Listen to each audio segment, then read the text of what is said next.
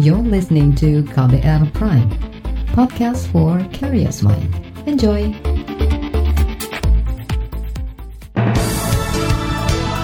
Selamat pagi Indonesia, selamat pagi saudara. Kembali lagi bersama saya Reski Mesanto. Pagi hari ini seperti biasa saya menjumpai Anda di program Buletin Pagi edisi pagi hari ini tanggal 24 November 2020. Pagi hari ini tim redaksi KBR telah menyiapkan sejumlah informasi untuk Anda. Di antaranya, BPOM segera keluarkan izin darurat penggunaan vaksin COVID-19.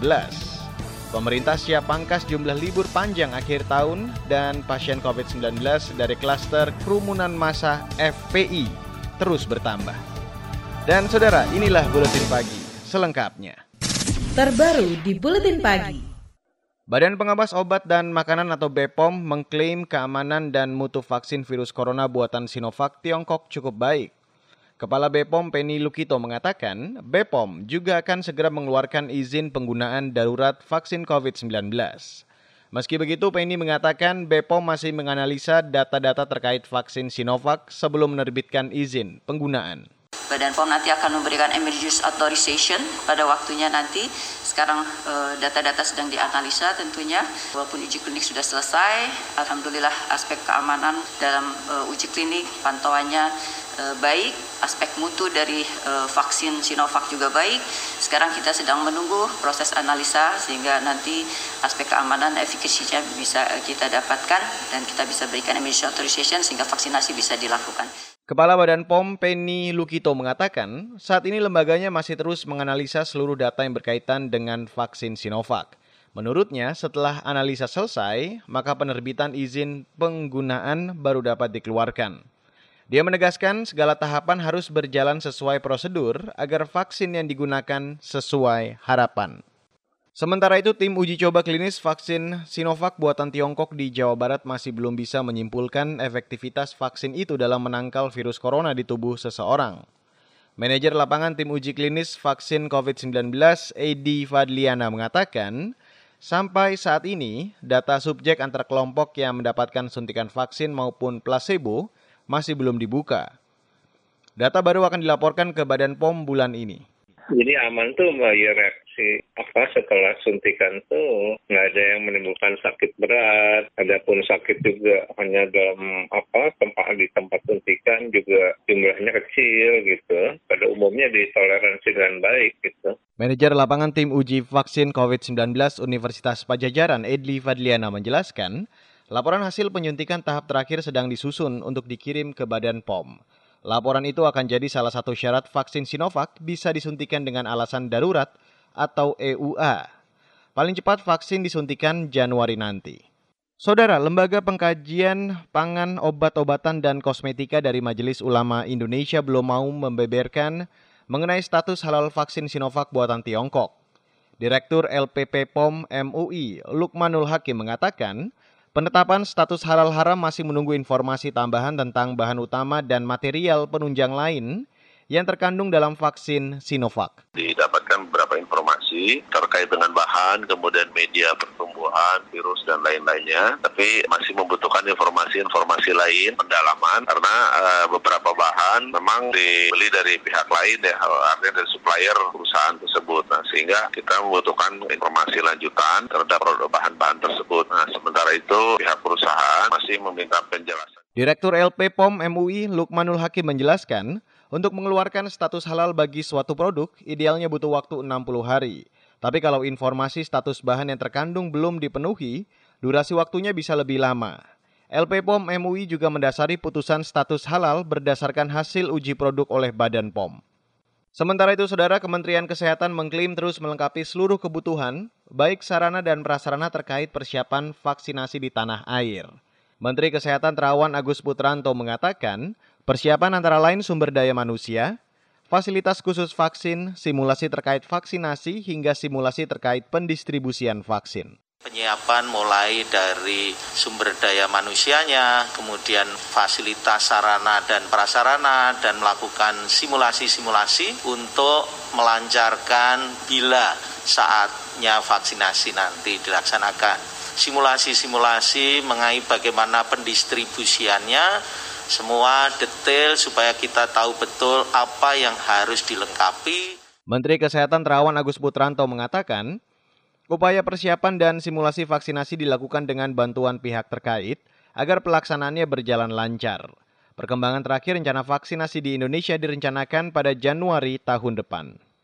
Saudara, total kasus positif COVID-19 di Indonesia kemarin menembus angka 500 ribu kasus. Jumlah tersebut sudah termasuk tambahan kasus positif baru sebanyak 4.400-an kasus dalam 24 jam terakhir.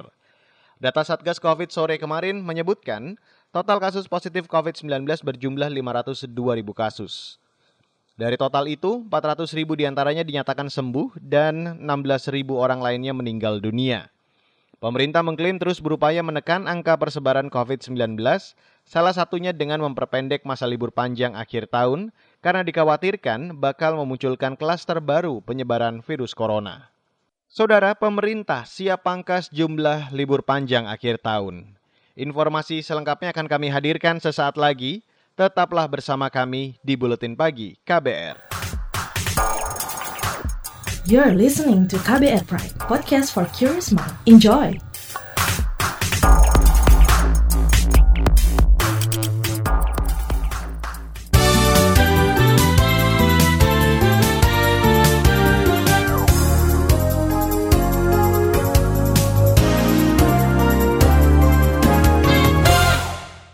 Saudara, pemerintah berencana mengurangi durasi libur panjang pada akhir tahun ini.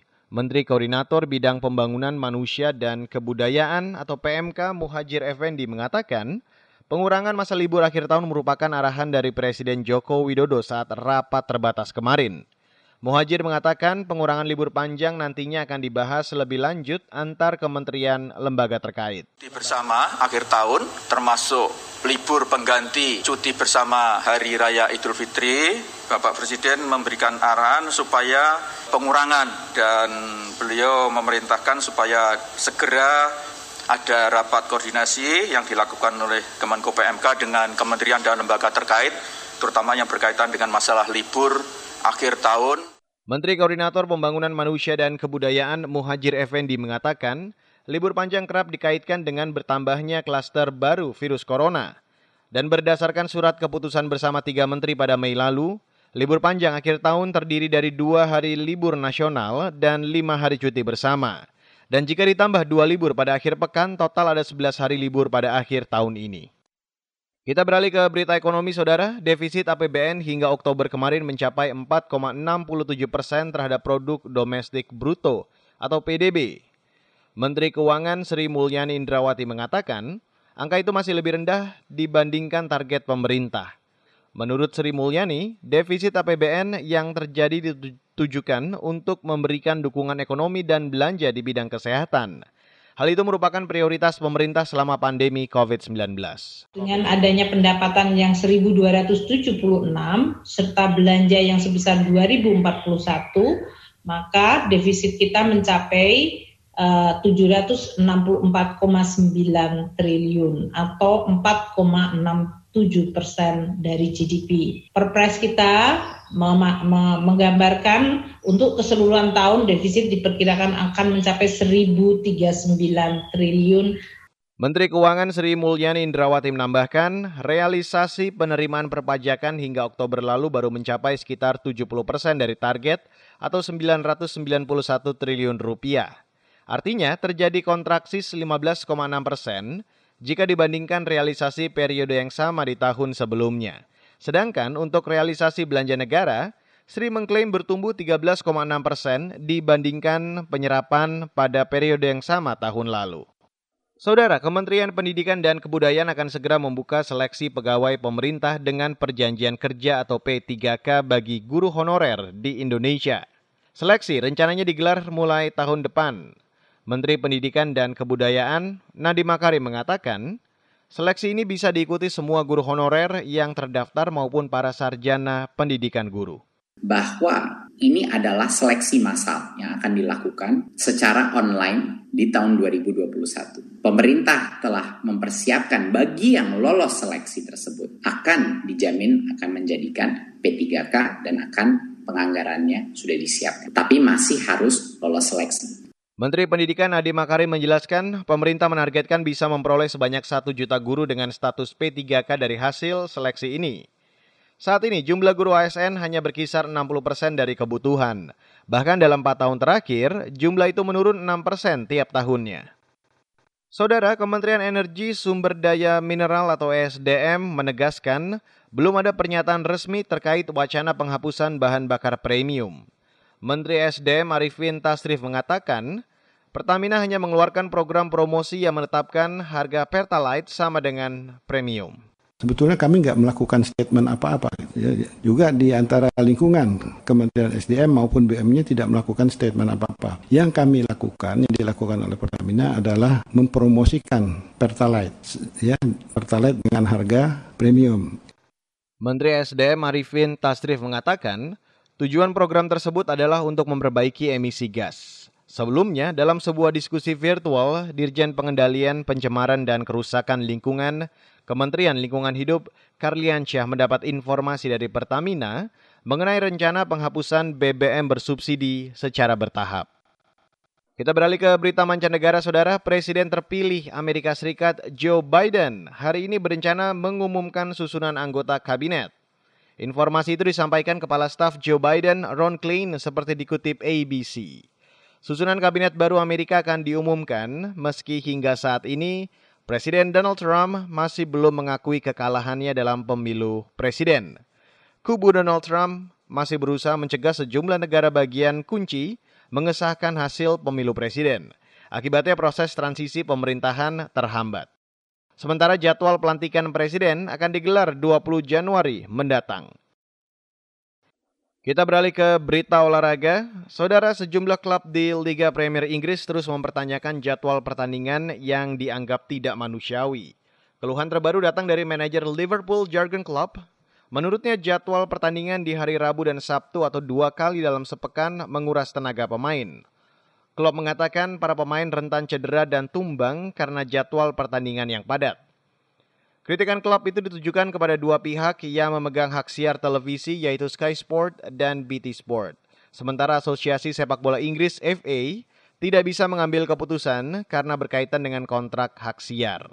Kritikan serupa sebelumnya dilontarkan manajer Manchester City, Pep Guardiola, serta manajer Manchester United Ole Gunnar Solskjaer. Saudara, sebentar lagi laporan khas KBR akan saya hadirkan untuk Anda bertajuk pro kontra pembukaan kembali sekolah. Tetaplah bersama kami di Buletin Pagi hari ini. You're listening to KBR Pride, podcast for curious mind. Enjoy!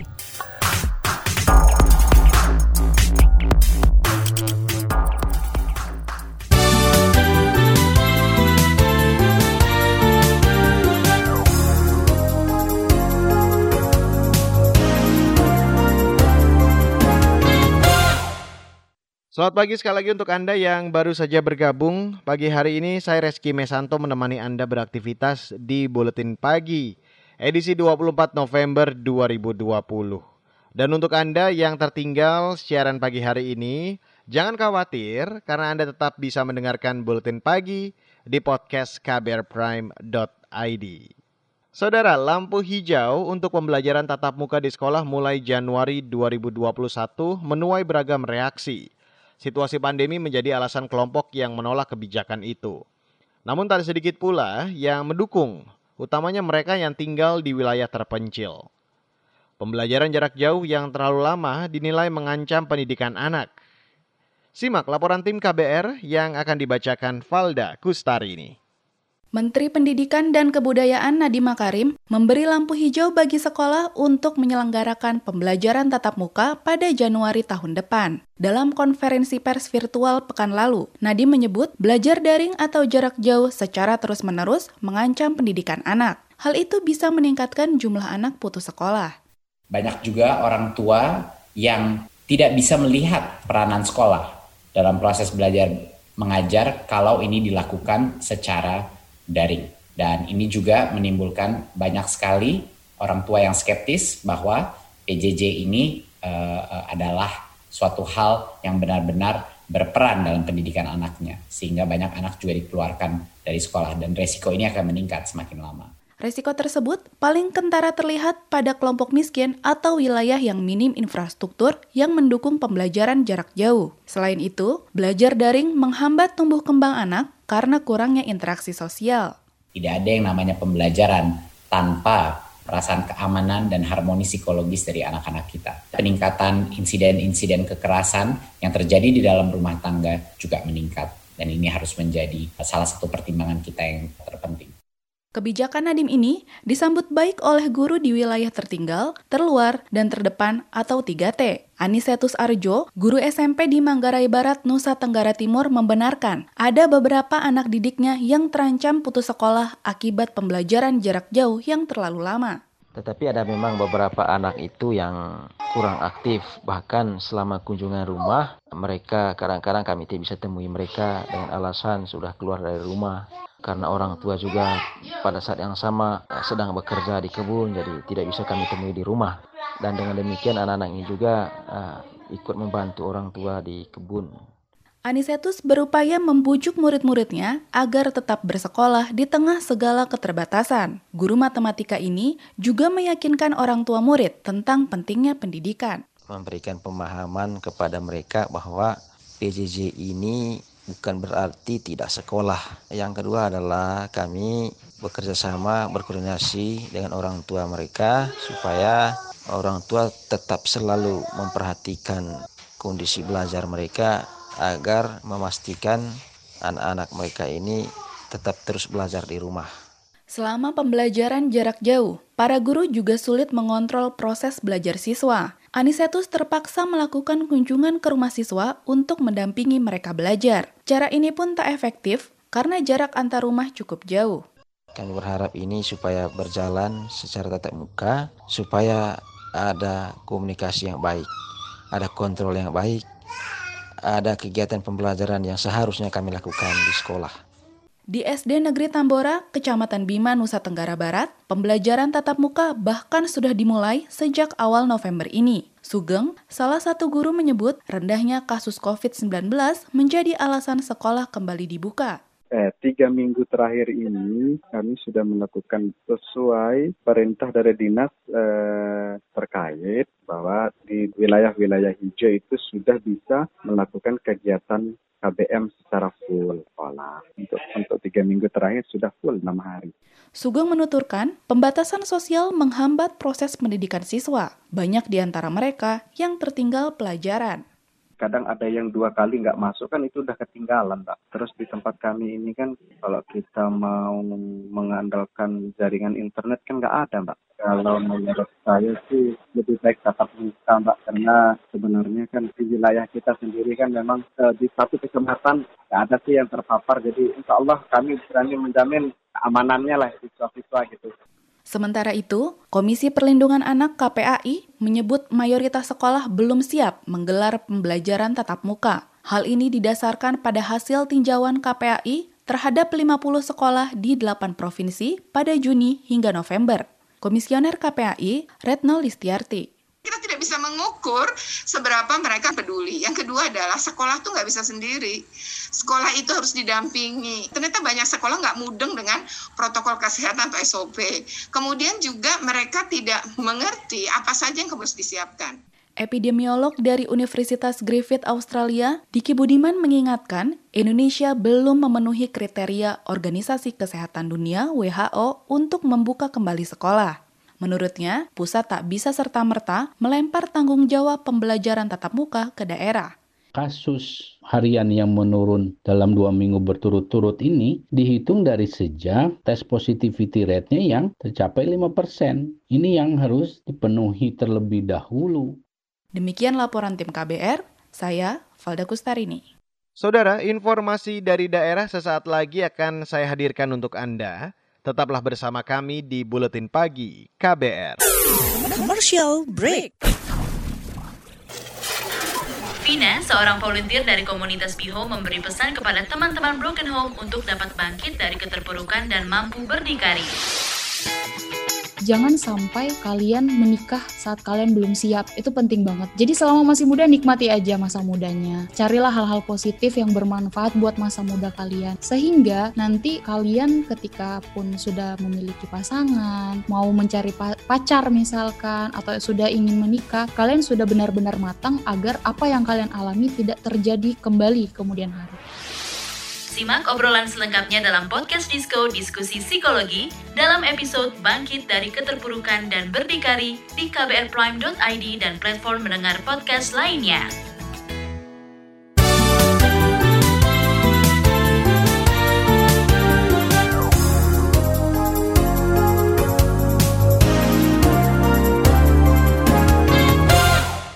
Terima kasih Anda masih bergabung di Buletin Pagi hari ini, edisi 24 November 2020. Saya Reski Mesanto masih terus akan menemani Anda beraktivitas di pagi hari ini. Dan inilah bagian akhir Buletin Pagi KBR hari ini. Saudara, Satuan Tugas Penanganan COVID-19 menyatakan kerumunan masa FPI di Petamburan, Jakarta Pusat dan Megabendung Bogor yang terjadi beberapa waktu lalu sudah menjadi klaster baru penularan virus corona COVID-19. Kepala Satgas COVID-19 Doni Munardo mengatakan beberapa wilayah lain yang juga menjadi klaster baru penyebaran COVID-19 dalam kurun waktu dua minggu terakhir. Yang ikut menambah terjadinya kasus selama libur panjang yang lalu adalah kegiatan-kegiatan kerumunan yang terjadi dalam beberapa hari terakhir, terutama di wilayah Bandara Soekarno-Hatta, Cengkareng, di wilayah Kelurahan Petamburan, dan juga wilayah Slipi, kemudian juga Tebet. Kepala Satgas Penanganan COVID-19 Doni Munardo meminta agar masyarakat yang menjadi bagian dalam acara kerumunan di sejumlah tempat itu segera menjalani pemeriksaan swab secara gratis. Menurut catatan Satgas, dari klaster Petamburan dan Megamendung sedikitnya ada 70 orang positif COVID-19. Sementara itu pemerintah Provinsi DKI bakal memberi sanksi warga di klaster Petamburan atau wilayah lain di Jakarta yang menolak menjalani tes COVID-19. Kita beralih ke Yogyakarta, Saudara. Gunung Merapi mengalami guguran tebing lava pada minggu kemarin. Kepala Balai Penyelidikan dan Pengembangan Teknologi Kebencanaan Geologi atau BPPTKG Hanik Humaida menjelaskan, guguran itu berasal dari tebing lava lama tahun 1954 yang berada di dinding kawah utara. Namun material guguran itu jatuh ke dalam kawah dan tidak berpengaruh pada aktivitas Merapi. Sementara itu Dinas Perhubungan Sleman Yogyakarta memasang 20 unit lampu penerangan jalan di sepanjang jalur evakuasi bencana erupsi Merapi. Dinas Perhubungan juga melarang truk-truk pengangkut pasir beroperasi di jalur evakuasi dan di wilayah radius bahaya 5 km dari puncak Merapi. Kita beralih ke Yogyakarta, Saudara. Gunung Merapi mengalami guguran tebing lava pada minggu kemarin. Kepala Balai Penyelidikan dan Pengembangan Teknologi Kebencanaan Geologi atau BPPTKG Hanik Humaida menjelaskan, guguran itu berasal dari tebing lava lama tahun 1954 yang berada di dinding kawah utara. Namun material guguran itu jatuh ke dalam kawah dan tidak berpengaruh pada aktivitas Merapi. Sementara itu Dinas Perhubungan Sleman Yogyakarta memasang 20 unit lampu penerangan jalan di sepanjang jalur evakuasi bencana erupsi Merapi. Dinas Perhubungan juga melarang truk-truk pengangkut pasir beroperasi di jalur evakuasi dan di wilayah radius bahaya 5 km dari puncak Merapi. Kita ke Sumatera Utara, Saudara Komisi Pemilihan Umum atau KPU Kota Medan menemukan lebih dari 3.300 lembar surat suara pilkada rusak. Anggota KPU Medan, Rinaldi Hair, menyebutkan surat suara rusak itu ditemukan dalam proses penyortiran di gedung Andromeda X Bandara Polonia Medan sejak 17 November lalu. Surat suara yang rusak akan dimusnahkan setelah ada cetakan surat suara yang baru. Dan saudara informasi tadi akhirnya menutup buletin pagi hari ini edisi 24 November 2020. Untuk Anda yang tertinggal siaran pagi hari ini jangan khawatir karena Anda tetap bisa mendengarkan buletin pagi melalui podcast kbrprime.id. Pantau juga informasi terbaru melalui kabar baru setiap jamnya, situs kbr.id, Twitter kami di account at berita KBR, serta sekali lagi saya ajak Anda untuk mengunjungi podcast kami di kbrprime.id. Akhirnya saya, Reski Mesanto, mewakili tim redaksi yang bertugas pagi hari ini. Kami undur diri. Salam.